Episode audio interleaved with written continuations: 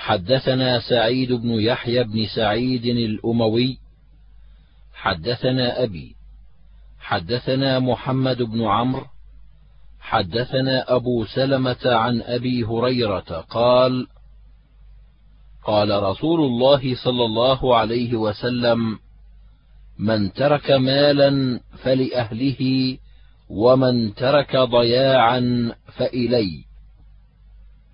قال أبو عيسى هذا حديث حسن صحيح. وفي الباب عن جابر وأنس وقد رواه الزهري عن أبي سلمة عن أبي هريرة عن النبي صلى الله عليه وسلم أطول من هذا وأتم.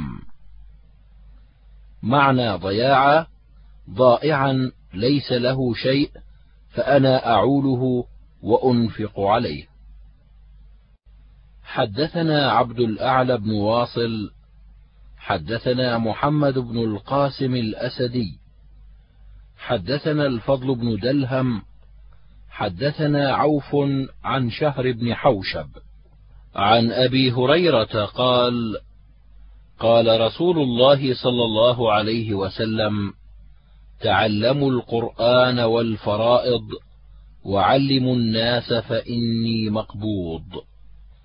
قال أبو عيسى هذا حديث فيه اضطراب وروى أبو أسامة هذا الحديث عن عوف عن رجل عن سليمان بن جابر عن ابن مسعود عن النبي صلى الله عليه وسلم. حدثنا بذلك الحسين بن حريث أخبرنا أبو أسامة عن عوف بهذا بمعناه. ومحمد بن القاسم الأسدي قد ضعفه أحمد بن حنبل وغيره. حدثنا عبد بن حميد حدثني زكرياء بن عدي أخبرنا عبيد الله بن عمرو عن عبد الله بن محمد بن عقيل عن جابر بن عبد الله قال جاءت امرأة سعد بن الربيع بابنتيها من سعد إلى رسول الله صلى الله عليه وسلم.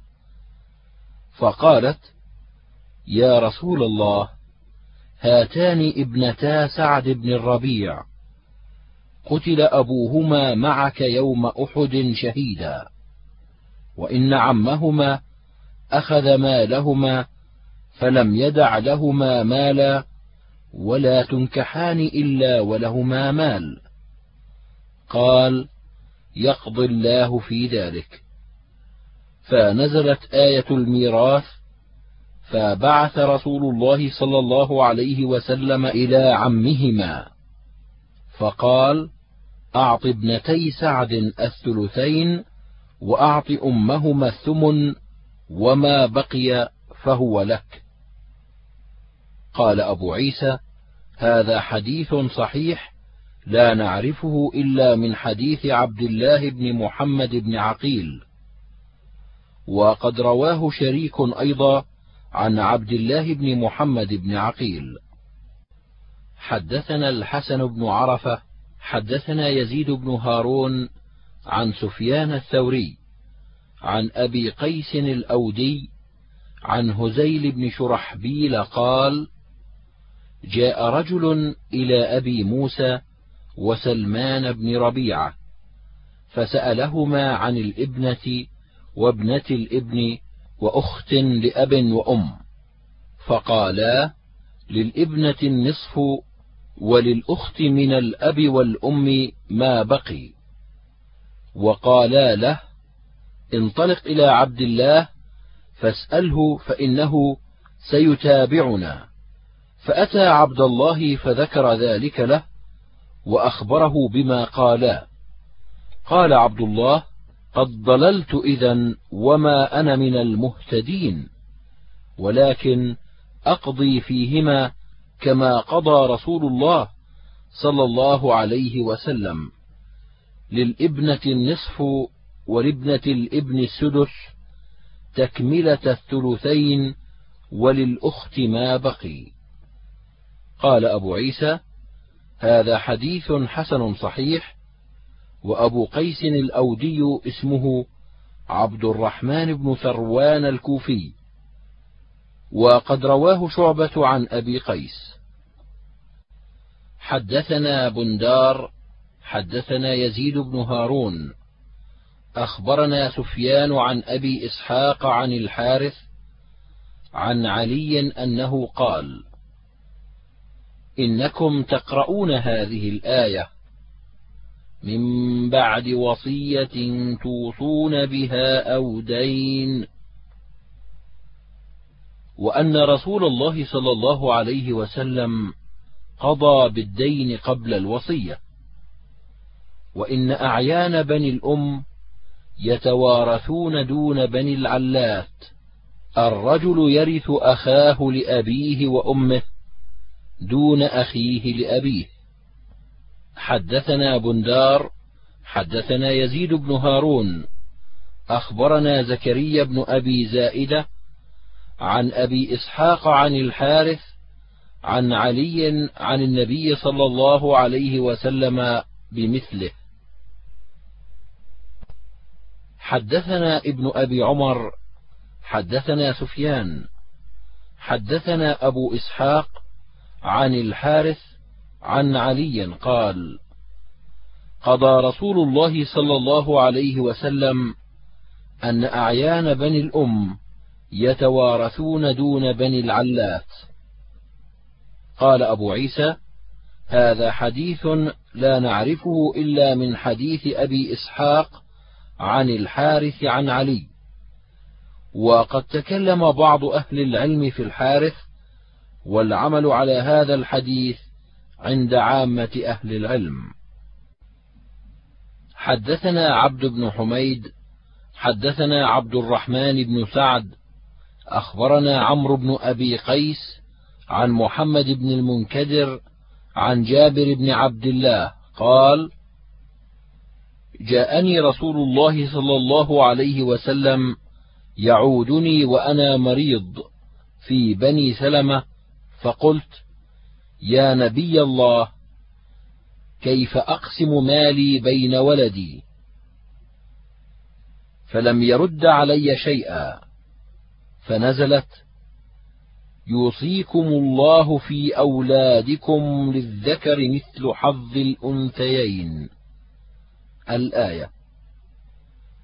قال أبو عيسى هذا حديث حسن صحيح وقد رواه شعبة وابن عيينة وغيره عن محمد بن المنكدر عن جابر. حدثنا الفضل بن الصباح البغدادي أخبرنا ابن عيينة أخبرنا محمد بن المنكدر. سمع جابر بن عبد الله يقول مرضت فأتاني رسول الله صلى الله عليه وسلم يعودني فوجدني قد أغمي علي فأتى ومعه أبو بكر وعمر وهما ماشيان فتوضأ رسول الله صلى الله عليه وسلم فصب علي من وضوئه فأفقت. فقلت يا رسول الله كيف أقضي في مالي؟ أو كيف أصنع في مالي؟ فلم يجبني شيئا وكان له تسع أخوات حتى نزلت آية الميراث. يستفتونك قل الله يفتيكم في الكلالة. الآية. قال جابر في نزلت.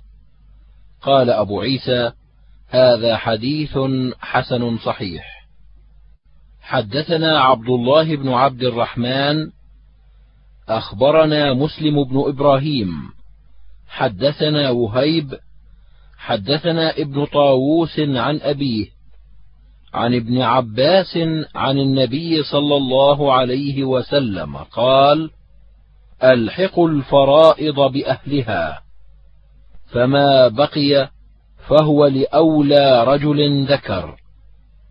حدثنا عبد بن حميد أخبرنا عبد الرزاق عن معمر عن ابن طاووس عن أبيه عن ابن عباس عن النبي صلى الله عليه وسلم نحوه. قال أبو عيسى هذا حديث حسن وقد روى بعضهم عن ابن طاووس عن أبيه عن النبي صلى الله عليه وسلم مرسلا. حدثنا الحسن بن عرفة حدثنا يزيد بن هارون عن همام بن يحيى عن قتادة عن الحسن عن عمران بن حسين قال جاء رجل إلى رسول الله صلى الله عليه وسلم فقال إن ابني مات فما لي في ميراثه؟ قال لك السدس. فلما ولى دعاه فقال لك سدس آخر. فلما ولى دعاه قال إن السدس الآخر طعمة. قال أبو عيسى هذا حديث حسن صحيح وفي الباب عن معقل بن يسار. حدثنا ابن أبي عمر حدثنا سفيان حدثنا الزهري. قال مرة قال قبيصة وقال مرة رجل عن قبيصة بن ذؤيب قال جاءت الجدة أم الأم وأم الأب إلى أبي بكر. فقالت إن ابن ابني أو ابن بنتي مات وقد أخبرت أن لي في كتاب الله حقا. فقال أبو بكر ما أجد لك في الكتاب من حق وما سمعت رسول الله صلى الله عليه وسلم قضى لك بشيء وسأسأل الناس. قال فسأل فشهد المغيرة بن شعبة أن رسول الله صلى الله عليه وسلم أعطاها السدس. قال ومن سمع ذلك معك؟ قال محمد بن مسلمة. قال فأعطاها السدس ثم جاءت الجدة الأخرى التي تخالفها إلى عمر. قال سفيان وزادني فيه معمر عن الزهري ولم أحفظه عن الزهري ولكن حفظته من معمر أن عمر قال إن اجتمعتما فهو لكما. وأيتكما انفردت به فهو لها.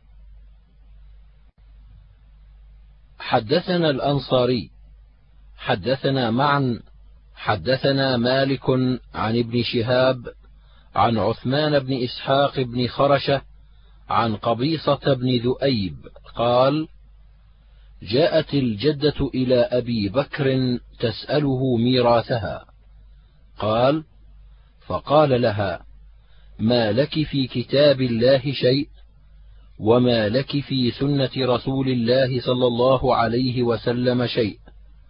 فارجعي حتى أسأل الناس. فسأل الناس فقال المغيرة بن شعبة حضرت رسول الله صلى الله عليه وسلم فأعطاها السدس. فقال أبو بكر هل معك غيرك؟ فقام محمد بن مسلمة الأنصاري فقال مثل ما قال المغيرة بن شعبة فأنفذه لها أبو بكر. قال ثم جاءت الجدة الأخرى إلى عمر بن الخطاب تسأله ميراثها فقال ما لك في كتاب الله شيء ولكن هو ذاك السدس فإن اجتمعتما فيه فهو بينكما وأيتكما خلت به فهو لها. قال أبو عيسى وفي الباب عن بريدة وهذا أحسن وهو أصح من حديث ابن عيينة.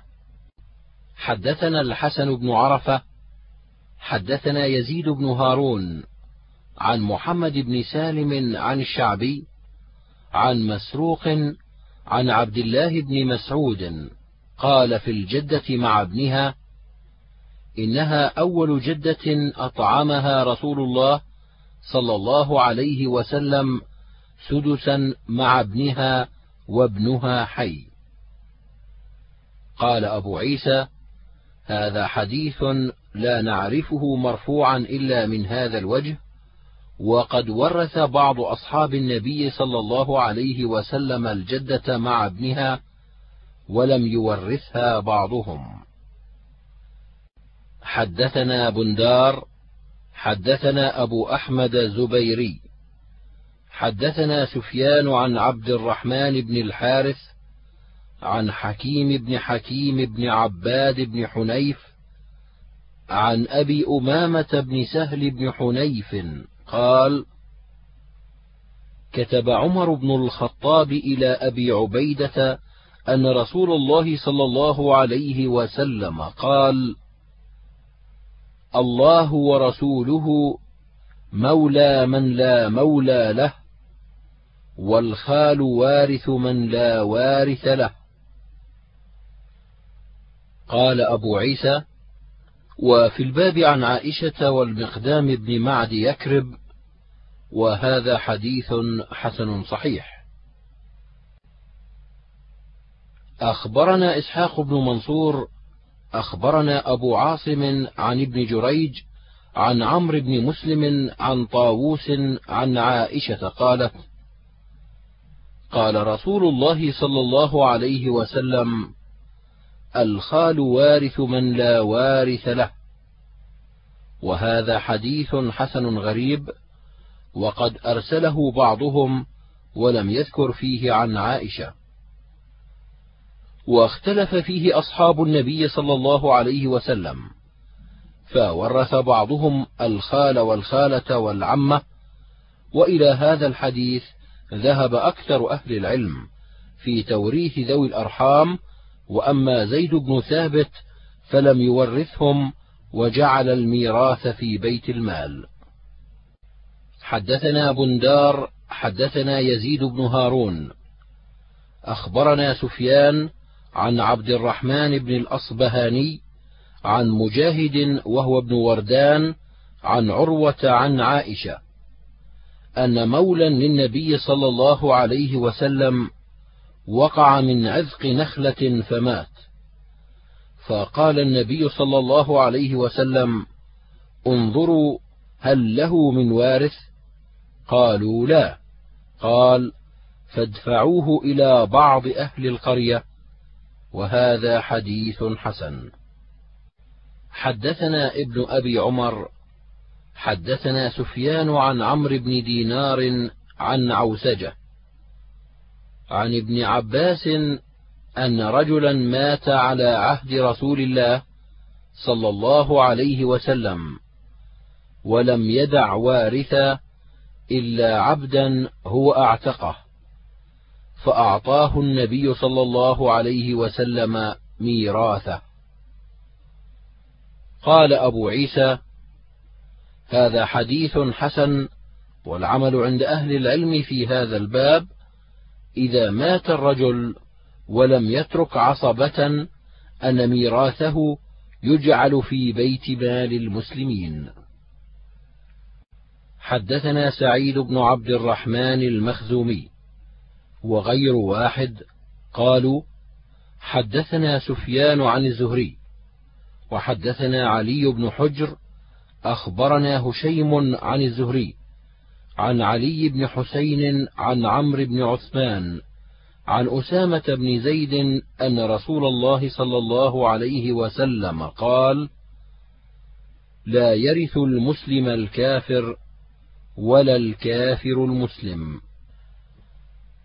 حدثنا ابن أبي عمر حدثنا سفيان حدثنا الزهري نحوه. قال أبو عيسى: وفي الباب عن جابر وعبد الله بن عمرو وهذا حديث حسن صحيح هكذا رواه معمر وغير واحد عن الزهري نحو هذا وروى مالك عن الزهري عن علي بن حسين عن عمر بن عثمان عن أسامة بن زيد عن النبي صلى الله عليه وسلم نحوه. وحديث مالك وهم وهم فيه مالك وقد رواه بعضهم عن مالك فقال عن عمرو بن عثمان. وأكثر أصحاب مالك قالوا عن مالك عن عمر بن عثمان وعمرو بن عثمان بن عفان هو مشهور من ولد عثمان. ولا يعرف عمر بن عثمان والعمل على هذا الحديث عند أهل العلم. واختلف بعض أهل العلم في ميراث المرتد فجعل أكثر أهل العلم من أصحاب النبي صلى الله عليه وسلم وغيرهم المال لورثته من المسلمين. وقال بعضهم لا يرثه ورثته من المسلمين. واحتجوا بحديث النبي صلى الله عليه وسلم لا يرث المسلم الكافر وهو قول الشافعي. حدثنا حميد بن مسعدة حدثنا حسين بن نمير عن ابن أبي ليلى عن أبي الزبير عن جابر عن النبي صلى الله عليه وسلم قال لا يتوارث أهل ملتين. قال أبو عيسى هذا حديث لا نعرفه من حديث جابر إلا من حديث ابن أبي ليلى. حدثنا قتيبة حدثنا الليث عن إسحاق بن عبد الله عن الزهري عن حميد بن عبد الرحمن عن أبي هريرة عن النبي صلى الله عليه وسلم قال القاتل لا يرث. قال أبو عيسى هذا حديث لا يصح لا يعرف إلا من هذا الوجه. وإسحاق بن عبد الله بن أبي فروة قد تركه بعض أهل الحديث منهم أحمد بن حنبل. والعمل على هذا عند أهل العلم أن القاتل لا يرث كان القتل عمدا أو خطأ. وقال بعضهم إذا كان القتل خطأ فإنه يرث وهو قول مالك. حدثنا قتيبة وأحمد بن منيع وغير واحد قالوا حدثنا سفيان بن عيينة عن الزهري عن سعيد بن المسيب قال قال عمر الدية على العاقلة ولا ترث المرأة من دية زوجها شيئا. فأخبره الضحاك بن سفيان الكلابي أن رسول الله صلى الله عليه وسلم كتب إليه أن ورث امرأة أشيم الضبابي من دية زوجها. قال أبو عيسى هذا حديث حسن صحيح. حدثنا قتيبة حدثنا الليث عن ابن شهاب عن سعيد بن المسيب عن أبي هريرة أن رسول الله صلى الله عليه وسلم قضى في جنين امرأة من بني لحيان سقط ميتا بغرة عبد أو أمة. ثم إن المرأة التي قضي عليها بالغرة توفيت فقضى رسول الله صلى الله عليه وسلم أن ميراثها لبنيها وزوجها. وأن عقلها على عصبتها. قال أبو عيسى وروى يونس هذا الحديث عن الزهري عن سعيد بن المسيب وأبي سلمة عن أبي هريرة عن النبي صلى الله عليه وسلم نحوه. ورواه مالك عن الزهري عن أبي سلمة عن أبي سلمة عن أبي هريرة ومالك عن الزهري عن سعيد بن المسيب عن النبي صلى الله عليه وسلم مرسل.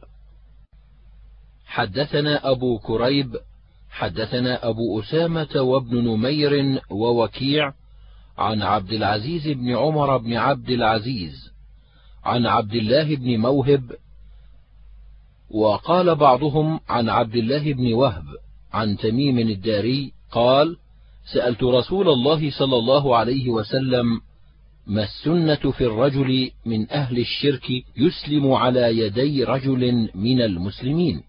فقال رسول الله صلى الله عليه وسلم هو أولى الناس بمحياه ومماته. قال أبو عيسى هذا حديث لا نعرفه إلا من حديث عبد الله بن وهب ويقال ابن موهب عن تميم الداري.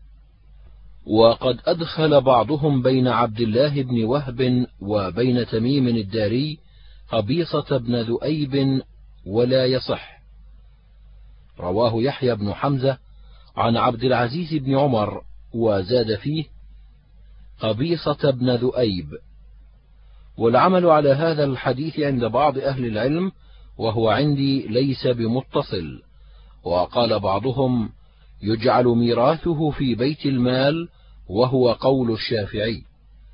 واحتج بحديث النبي صلى الله عليه وسلم أن الولاء لمن أعتق. حدثنا قتيبة حدثنا ابن لهيعة عن عمرو بن شعيب عن أبيه عن جده أن رسول الله صلى الله عليه وسلم قال أيما رجل عاهر بحرة أو أمة فالولد ولد زنا لا يرث ولا يورث. قال أبو عيسى وقد روى غير ابن لهيعة هذا الحديث عن عمرو بن شعيب والعمل على هذا عند أهل العلم أن ولد الزنا لا يرث من أبيه. حدثنا قتيبة حدثنا ابن لهيعة عن عمرو بن شعيب عن أبيه عن جده أن رسول الله صلى الله عليه وسلم قال يرث الولاء من يرث المال. قال أبو عيسى هذا حديث ليس إسناده بالقوي. حدثنا هارون أبو موسى المستملي البغدادي. حدثنا محمد بن حرب. حدثنا عمر بن رؤبة التغلبي. عن عبد الواحد بن عبد الله بن بسر البصري عن واثلة بن الأسقع قال: قال رسول الله صلى الله عليه وسلم: المرأة تحوز ثلاثة مواريث: عتيقها ولقيطها وولدها الذي لاعنت عليه.